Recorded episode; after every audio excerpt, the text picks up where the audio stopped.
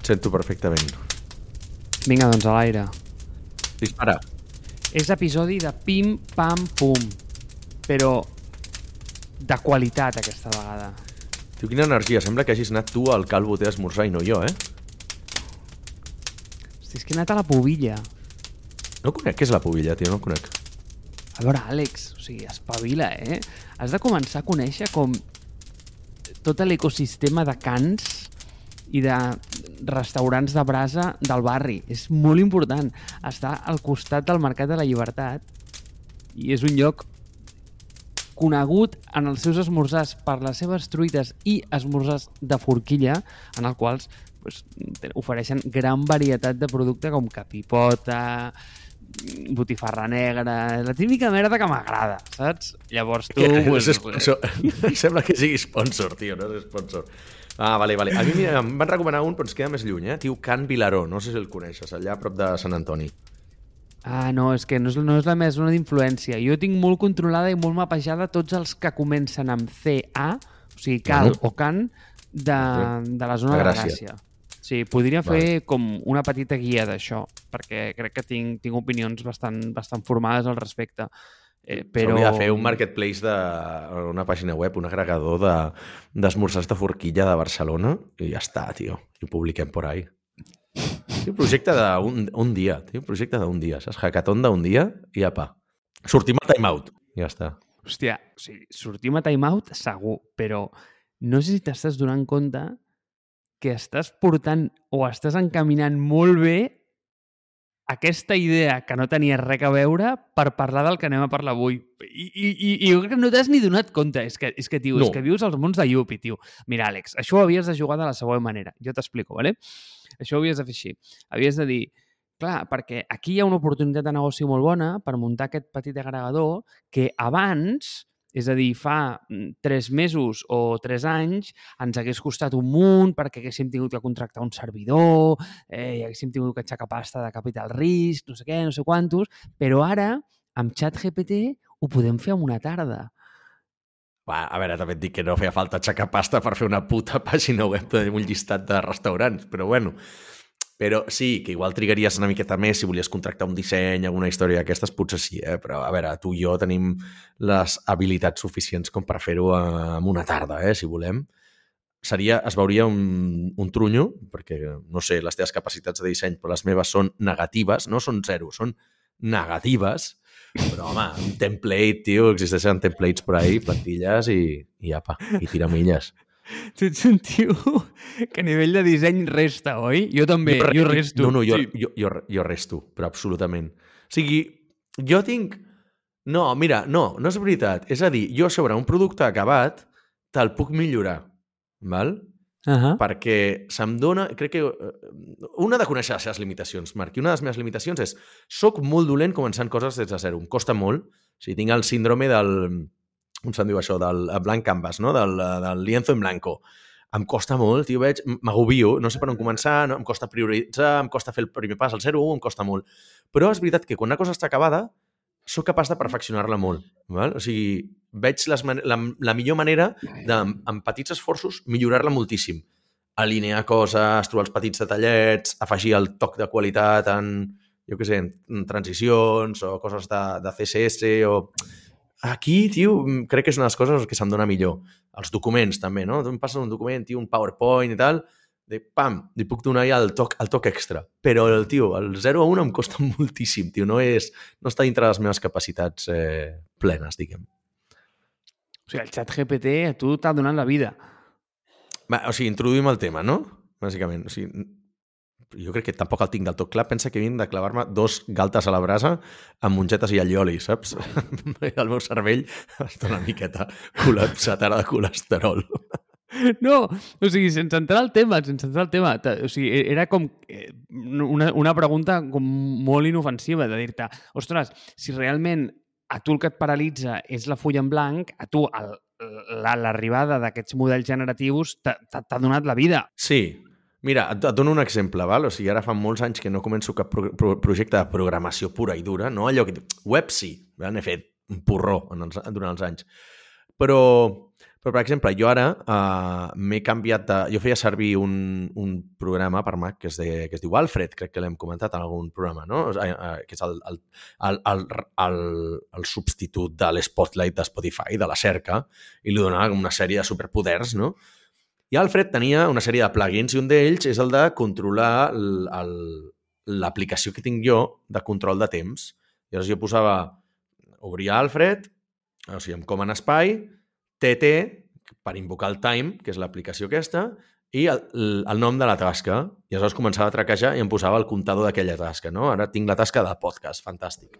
Però després tinc una trucada per fer reclutament per l'empresa, faré eh, com en espai, TT Hiring, i em posarà el, el modo comptador Hiring. Què passa?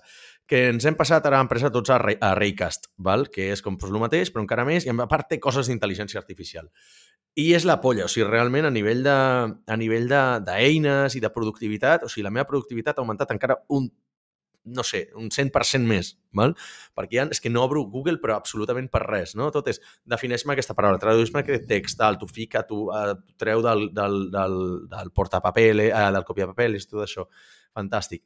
Què passa? Que no té el plugin aquest part-time. I dic, bueno, doncs vaig a fer-lo jo, saps? Vull dir, i aleshores amb ChatGPT li vaig dir, ei, com hauria de fer per fer un, un plugin per Raycast? I com que et dona tots els passos, però del pal, crea aquest fitxer, aquest altre, estructura el projecte, tal, tal, tal, és per tontos, tio, si és que estic per fer-lo.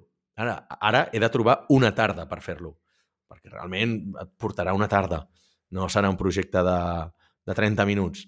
Però és veritat que si l'hagués de fer jo des de zero, entre que busques la documentació, tal, tal, tal, i prova i error, potser m'estaria dos dies, saps? O sigui, si aconsegueixo baixar de dos dies a mitja hora, clar, és que això és una productivitat de l'hòstia. I n'hi ha algunes que també et fan, doncs això, dissenys ja, no? Dissenys, presentacions de PowerPoint. Clar, o sigui, les possibilitats són infinites, tio. Saps? Acabes amb... Després tu has de fotre tota la feina. És el que dèiem de ChatGPT, eh? O sigui, ChatGPT no et farà la feina. Però et dona ja una base sobre la qual tu ja pots millorar allò. Per tant, la feina bruta de fer el 0 a 1 o el 0 a 10 i tu fas el 10 a l'11, doncs, eh, és on, on agregues més valor si tens un perfil com el meu. Sí, és la idea aquesta de que no, no et donaran un producte acabat, però és com un exèrcit de minions o de becaris que Correcte. et donaran algú perquè tu comencis a treballar i, i, i ho tens allà a la teva disposició i, i és, és, és omnipresent, o sigui, està sempre amb tu, és, és una passada. No, no, o sigui, realment crec que et pot donar com autèntics superpoders, però Anem a parlar avui. Mira, ja que has dit de ho faríem una tarda, avui proposem que cadascú porti un producte que hagués costat molt de fer o, o ha costat molt de fer en el passat, a nivell d'inversió, a nivell de capital, de tecnologia, de recursos, i que, d'alguna manera, aquests models generatius l'han banalitzat o l'han fet molt fàcil de construir sense tots aquests recursos? Què has portat? Jo t'he portat un que per mi és paradigmàtic. I, mira, et diré una cosa, eh? Si tingués dos tardes ho faria jo, eh? Perquè no només ho vendria, que, bueno, no crec que, que ho vengués a ningú, però jo en seria el primer usuari, perquè jo n'era usuari d'aquest producte. I n'era usuari... Fixa't a mi quan els productes m'agraden, la primera cosa que faig és que quan estan molt early intento entrar sempre dins i parlar amb l'equip fundador. M'agrada molt fer-ho. És molt fàcil. Els escrius per LinkedIn i sempre et contesten. Són gent maca, els fundadors. Per lo general, eh? Per lo general. I sobretot quan, quan no venen de, de la bona nova, eh? I hasta aquí puedo leer. No passa res, pensa que la gent de Bona Nova no parla català, no ens entenen, Marc. No, no, és broma. Però, Déu meu, Àlex, hem sumat una categoria més al, a l'IBEX, Deloitte, i ja no recordo qui més era. Eh, tu vas dir Però, que volia... No, la gent va dir que volia més polèmica, doncs ja està, tio, posem un, un, un, un esglaó, no passa res. Déu meu. que no em dit res nou de tot el que venim dient ja bueno, de fa una, una temporada i mitja, però bé. En general, vinguin no, no, d'on no vinguin, els fundadors són macos. Vale? Llavors, sí. jo, jo en aquest producte vaig anar i vaig conèixer els fundadors. No només això, sinó que vaig convidar el CTO, perquè és una empresa de Berlín, imagina't, i vaig convidar el CTO a Ironhack i va venir a fer una xarra. imagina't, aquesta història és divertida, eh? Perquè... Però de quin producte estem parlant? Ai, clar, no ho he dit, perdona. És Blinkist, el resum de ah, sí, llibres. home. I tant. Va, espera. I tant. Hòstia, que bona. que aquesta història és bastant divertida, perquè teníem un event a Ironhack que havíem de portar com tres empreses que inspiressin una mica i fessin com una xerrada allà a la grada on teníem, no? Tio, aquest comentari és la cosa menys professional del món, eh? Però ho comento aquí perquè ja ha prescrit ja. Vull dir, ja no se'n pot jutjar per, per aquest crim.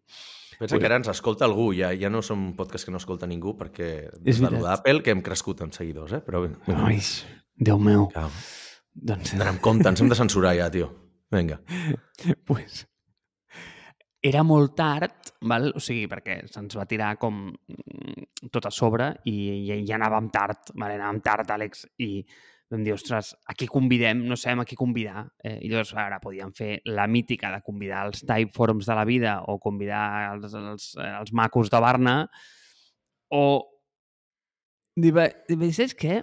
I vaig dir, mira, jo sempre penso que Tio, els problemes són grans moments per generar bones oportunitats. Vaig dir, mira, aquí tenim un problema de l'hòstia perquè hem convocat a 200 persones, eh, ens hem gastat una pasta amb aquest event i no tenim qui collons té que parlar aquí. Llavors anem a fer una cosa. Vaig a pensar en tres productes que m'agraden i que faig servir i portarem els seus fundadors a Barcelona. ¿vale? I els hi pagarem els vols i els farem venir aquí. I, tio, vaig dir, ara, quins són els tres productes que estàs fent servir ara? I està fent servir molt Blinkist, Airmail i Bear, l'aplicació de Markdown, de notes.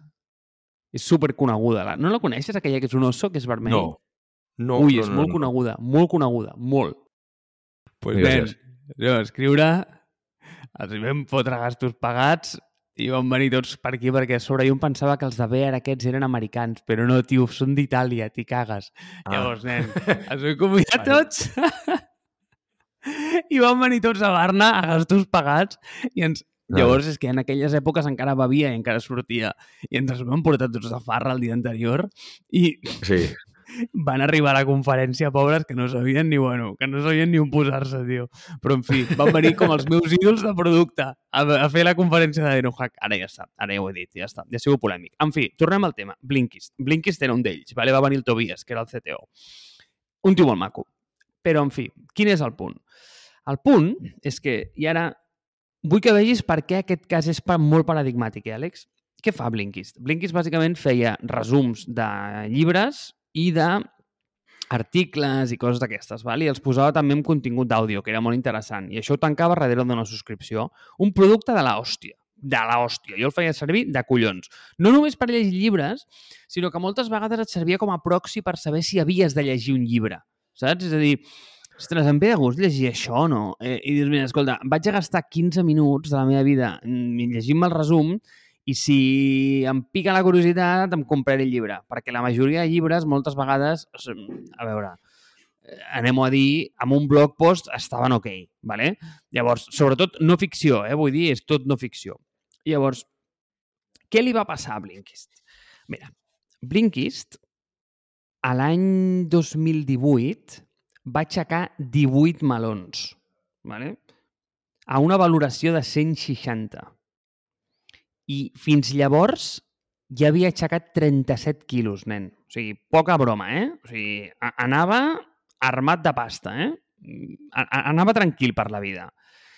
I resulta que, curiosament, curiosament, agafen i fa dues setmanes anuncien que Go One, una plataforma d'aprenentatge d'aquestes eh, gegants, la compra i no diuen quanta pasta. A mi això em sona a... mm, Saps allò com dir, tio, o sigui, a, a, aquesta merda dels models generatius acabat amb el nostre negoci, anem a vendre la, la merda aquesta, sigui com sigui, tio, que no diguin la pasta per quan ho has venut i que just sigui ara, dius, hòstia, que curiós, no? Eh, I haver aixecat set- 16 milions... Has dit 16 milions, però després d'haver-ne aixecat 37, eh, que tot i que fossin acumulats, em sona més... No em sona a una ronda com a tal, em sona a una extensió de ronda. Però bueno, pel tamany, eh? O sigui, generalment fas rondes més grans de, del que ja tens acumulat. Per tant, igual hi era un indicador. Clar, però això va passar al 2018, és a dir, aquests tios tenien caixa per morir, i aquests tios fotien calés, eh? Jo crec que aquests tios fotien calés, perquè tenien un negoci B2B que estava prou bé.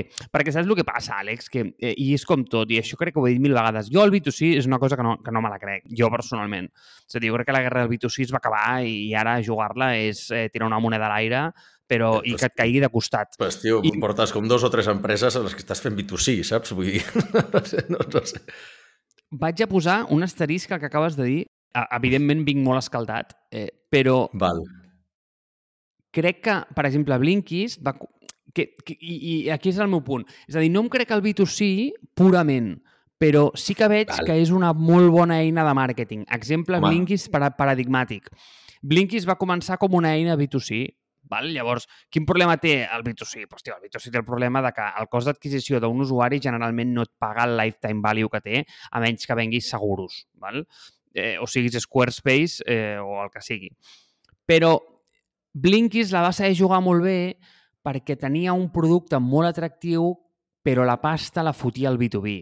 És a dir, que venia paquets per a empreses i venia uns paquetorros d'empreses de la hòstia. Llavors, clar, aquest negoci me'l crec més, perquè el teu B2C és com una màquina de cremar diners per màrqueting i està molt bé i funciona de puta mare, i inclús et genera com aquest efecte bottom-up, saps? De dir, hòstia, quatre tios el fan servir dintre l'empresa, per què no me'l paga l'empresa? Llavors l'empresa ja, pum, ja tanca el contracte, ¿vale? Està, prou bé, està prou bé. Però a on vaig? Ja no sé ni on vaig, però el que volia comentar-te era que com faria jo aquest producte en dues tardes amb ChatGPT. ¿vale? Una de les coses que m'he donat compte és que un producte que en el seu dia va aixecar quasi 40 milions d'euros, avui sí que literalment es pot fer en dues tardes. I a què em refereixo? ChatGPT té una facilitat per resumir llibres que és acollonant. Jo el faig servir moltes vegades per això, però moltes, moltes. Però això no només va per aquí sinó que jo crec que el producte té un punt més de profunditat que en Blinkist no tenia. I és, fins i tot el que li pots fer, que és una cosa que m'agrada molt, tu coneixes el concepte aquest de eh, repetició espaiada? No. Il·lumina'm. Eh, sí, sí, t'il·lumino, t'il·lumino, t'il·lumino. Es veu que una de les millors maneres d'aprendre a la vida, qui t'ho anava a dir, era, eh, o és, vaja, el fet de que et van donant de manera espaiada conceptes perquè els vagis aprenent fins que els consolides. Val? És una tècnica d'aquestes... Eh, no, no ho sé, vull dir, d'aprenentatge o no sé què. No sóc pedagog i estic molt lluny de ser-ho. Llavors, quina és la idea? La idea és que tu, per exemple, llegeixes un llibre i després te n'oblides. No sé si et passa, a mi em passa. Absolutament. No me'n recordo. Quan diu, t'has llegit el llibre de, eh, no sé, el Zero to One de Peter Thiel? Sí, me l'he llegit. Què és, de què es parla allà? Ni puta idea, o sigui, no me'n recordo. Vaig llegir fa molt de temps, llegeixo abans d'anar a dormir, per tant, em, em quedo relativament amb poques coses i paro molt poca atenció a, a tot, en general. Per tant, se m'ha oblidat. No et sabria dir ni un concepte del que es parla en aquell llibre. Doncs tu series el, un gran usuari meu. Per què? Perquè això com funciona? Tu li poses tota la teva biblioteca, vale? li poses tots els teus llibres mm. i ell que fa? Un resum val? de tot. De tot. Fa un resum de tot. I en allà, i, i a sobre, tio, li posaré una UI de la hòstia, eh? Seria com... Tu te'n recordes de Delicious, aquella aplicació de Mac eh, històrica? Sí, sí, sí, sí, sí, sí, sí. Oh, així seria, sí. així seria, seria així. Llavors tu ja tens com la teva biblioteca virtual i aquest producte el que fa és que cada dia t'envia un mail amb l'Space Repetition, és a dir, et dona un concepte d'algun dels llibres. Perquè et diguis, eh, tio, te'n recordes? I és un digest de, de 5 minuts. I et diu, ei, tio, te'n recordes de que a Zero to One es mencionava que... Ta, ta, ta, ta? I cada dia te n'envia un i tu vas recordant coses i dius, hòstia, que bona idea aquesta va ser. Llavors tu li és pots donar com... Això, tio. És com el quote of the day, tio. Hi havia, en el seu moment també hi havia pàgines d'aquestes que eren com un quote of the day i ja està. I només entraves només per mirar allò. La tenies al Chrome, no? Em sembla que en el mateix Chrome podies tenir el, tal qual a la pàgina d'inici algun plugin que era, que era això. Dius, hòstia, que bona, saps? Vale. Jo si tingués dos tardes ho, ho faria, t'ho juro, eh? És a dir... Però no tens la tentació... De... O sigui, jo tinc la tentació ara de començar a fer projectes d'aquests La putada és que ja tinc moltes coses, tio, saps? Vull dir, tinc una empresa de Startup Brand, tinc el podcast, tinc el grup de música, no, no em dona per fer tot. Però tinc la tentació, jo ara crec que és el millor moment per convertir-se en un indie hacker a lo Peter Levels i començar a fer projectes d'aquests, tio, perquè és que amb una base de programació i més o menys quatre conceptes de disseny i de producte i, i de negoci, o sigui, aquí el concepte de l'home renaixentista o dona renaixentista que comentava fa molts episodis, que, que crec que és el millor moment per ser-ho ara, o sigui, de dir, pues, ara llenço una app de no sé quantos, també una web, doncs l'agregador aquest, l'agregador aquest de, de que no farà, potser no faràs pasta amb aquest projecte, però et dona SEO, et dona reconeixement, et dona accés a cert tipus de contactes que no tindries contactes eh, allà. Fem una altra cosa per podcast en català, doncs, hòstia, doncs ja ho tenim amb el, amb el, qui sap si acabem... Eh, jo ho vaticino, tio, d'aquí un any o alguna així ens entrevistaran a, a Catalunya Ràdio, a algun lloc d'aquests, perquè serem un podcast que ho estarà patant, ja t'ho dic jo. Eh, però fas una altra web de no sé què, tio. Si jo ara he començat a muntar un, un comparador de salses picants, tio, saps? O dir, simplement un agregador que potser algun dia això és un dropshipping, no? amb un e-commerce, tal, tal, tal, però per què? Pues perquè, tio, comprar salses picants a Espanya és una puta merda, tio. Vas per Amazon o no hi ha, no hi ha res. O has d'anar els productors superespecífics que si no els coneixes, que a part tenen un SEO terrible, doncs bueno, potser algú ha de fer la feina aquesta. Són projectes que es munten en una tarda, saps? Vull dir, i doncs, l'aplicació aquesta de Raycast i no sé què, bueno, comences a fer coses, coses d'aquestes i avui en dia ho tens més fàcil que mai. Però és veritat que has de tenir un cert coneixement. No? És com la mentida que ens van vendre de no-code en fa, bueno, inclús ja gairebé 10 anys, no cal saber programació, això, no cal saber programació, però a la mínima que es trenca has de saber programació, saps? Vull dir, la, el no-code també és una de les grans mentides que, que hi ha hagut fins ara. Però bueno, em sembla que t'he tallat.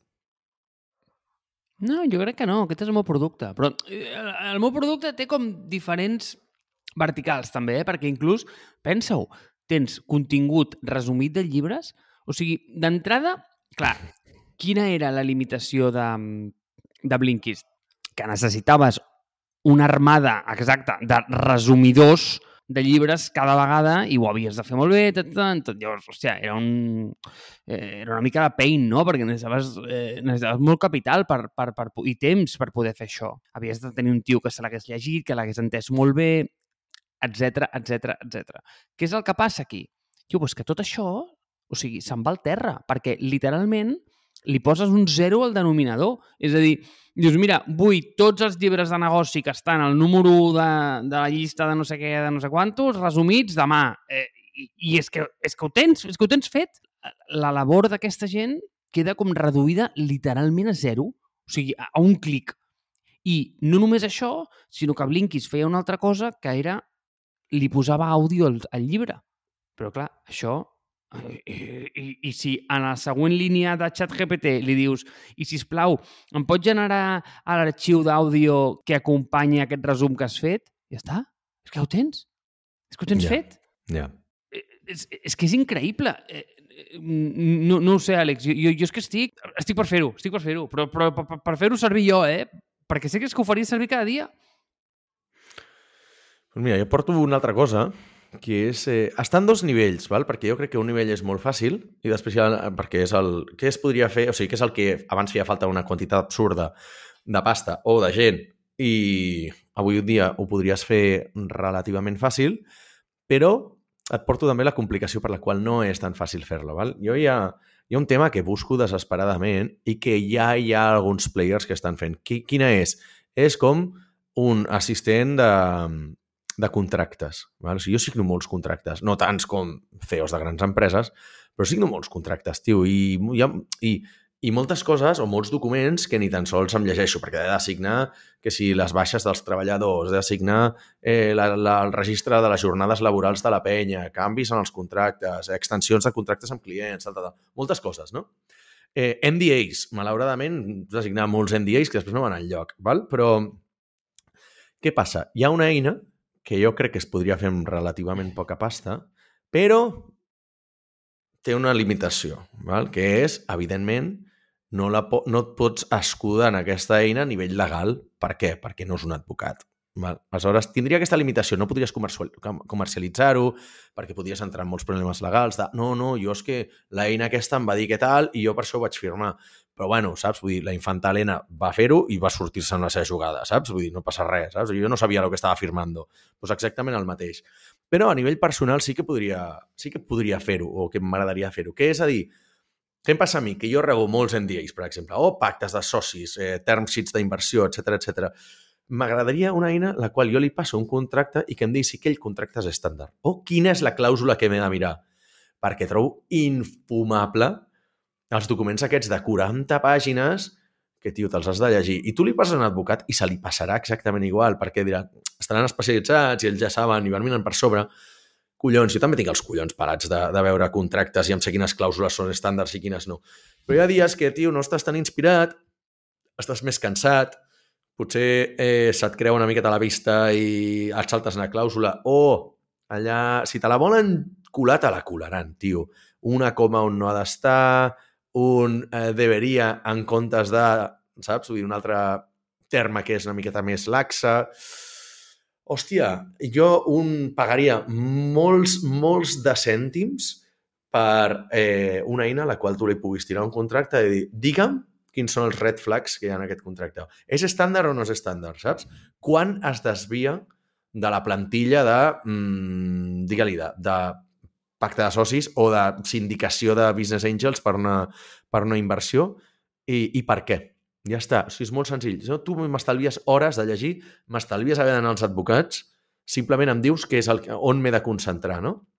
Jo crec que això té molt valor, es pot construir relativament senzill, perquè al final tens un corpus de documents públics, eh, de contractes i templates, etc etc, eh, molt gran, simplement li hauries de dir això. Què passa? Tens problemes que, pues, temes de, potser del llenguatge, mira, et diré que malauradament, i per sort no hi ha molts contractes en català, eh, la majoria de coses, saps per què? Perquè els notaris parlen castellà el tema del català em sembla que no el porten gaire bé, però tots Ostres. els contractes estan en castellà. bueno, tens, això fa que hi hagi un corpus molt més gran per entrenar dades, no? Putada, eh, per català seria molt poc fiable, però també et dic que en els 9 anys que porto de d'empresa, de, crec que només he firmat un contracte en català amb Barcelona Activa. I et diré que ni tan sols sé si estava en català, hauria de revisar. Eh, el Barça te'ls ofereix amb tres idiomes tu pots signar el que vulguis, em trobo perfecte, saps? Es, però obligació firma un contracte en català, tio, i mira que hem treballat per empreses de Catalunya, eh? Mm, ni una. bueno, on està la limitació? Aquesta, que no pots... Si la gent s'escudaria amb que això és consell eh, legal per una entitat o per un... Clar, és que en aquest cas estem parlant d'un ens que no és un advocat. Aleshores, no sé fins a quin punt podries entrar en molts i molts i molts problemes legals, no? Però, hòstia, dic, Vox ha fet una... No Vox, no el partit polític, eh, um, Vox, l'eina d'emmagatzematge, ha fet un Vox AI que el que et fa és un Blinkist, però per documents legals. Val? O sigui, ha fet el primer pas, diguem.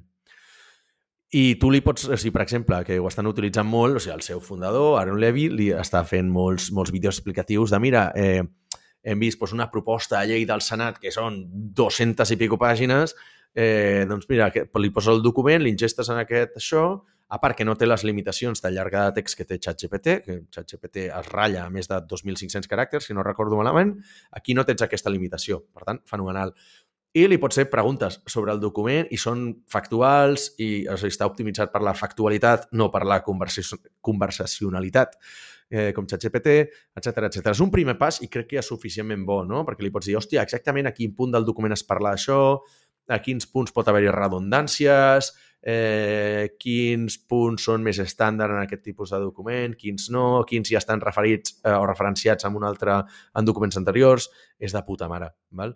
Jo crec que és un primer pas. Ara bé, construir la segona part, és a dir, donar-li la validesa legal, que crec que això ho va intentar muntar Justin Khan, si no recordo malament, amb, eh, ara, ara, ara patinaré, eh? Atrium, crec que es deia la seva empresa, que al final no, no ha acabat de xutar. Eh, doncs era una, era una miqueta això, no? O sigui, com consell legal a través d'intel·ligència artificial.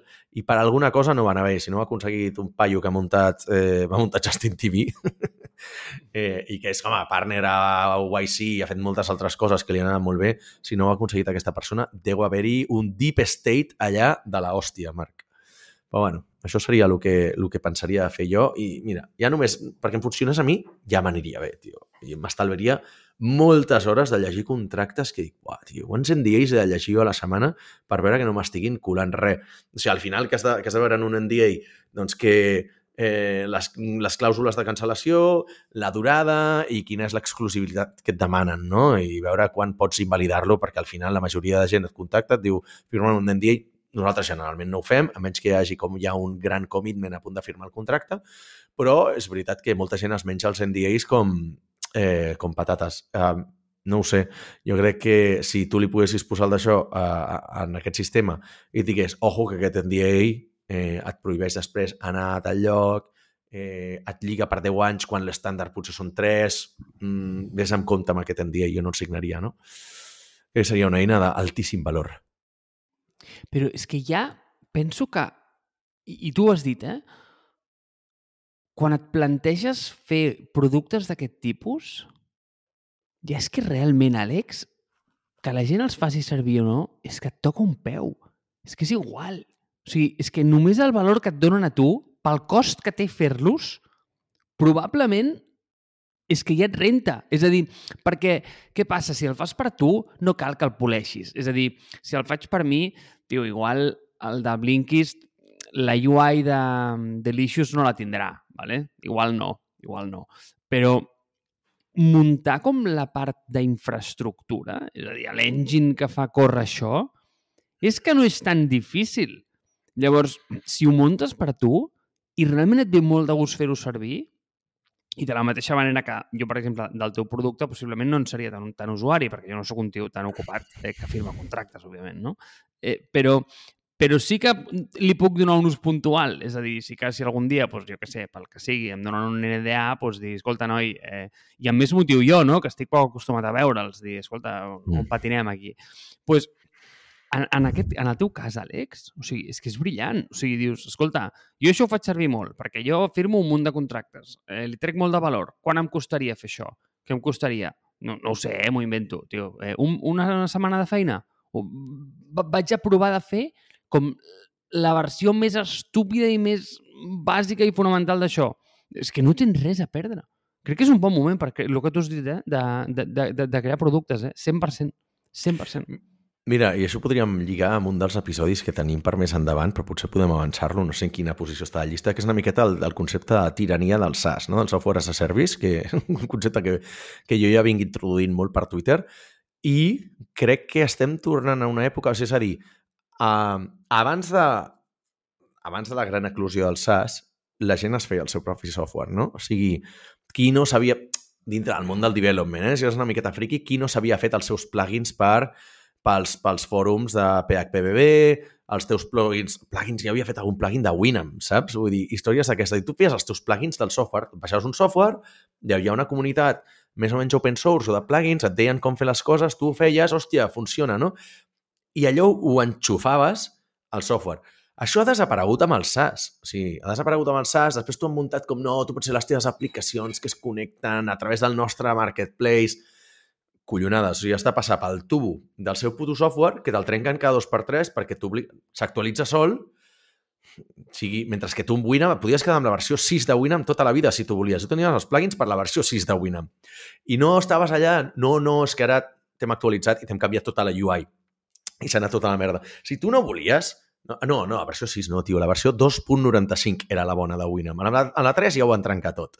Però bueno, eh, dit això, amb el SaaS vas entrar en el pago per conveniència. És a dir, hòstia, mira, està molt bé, no m'he d'instal·lar res, no em vull ocupar espai al disc dur, perquè aleshores tenim un problema d'espai al disc dur, bàsicament.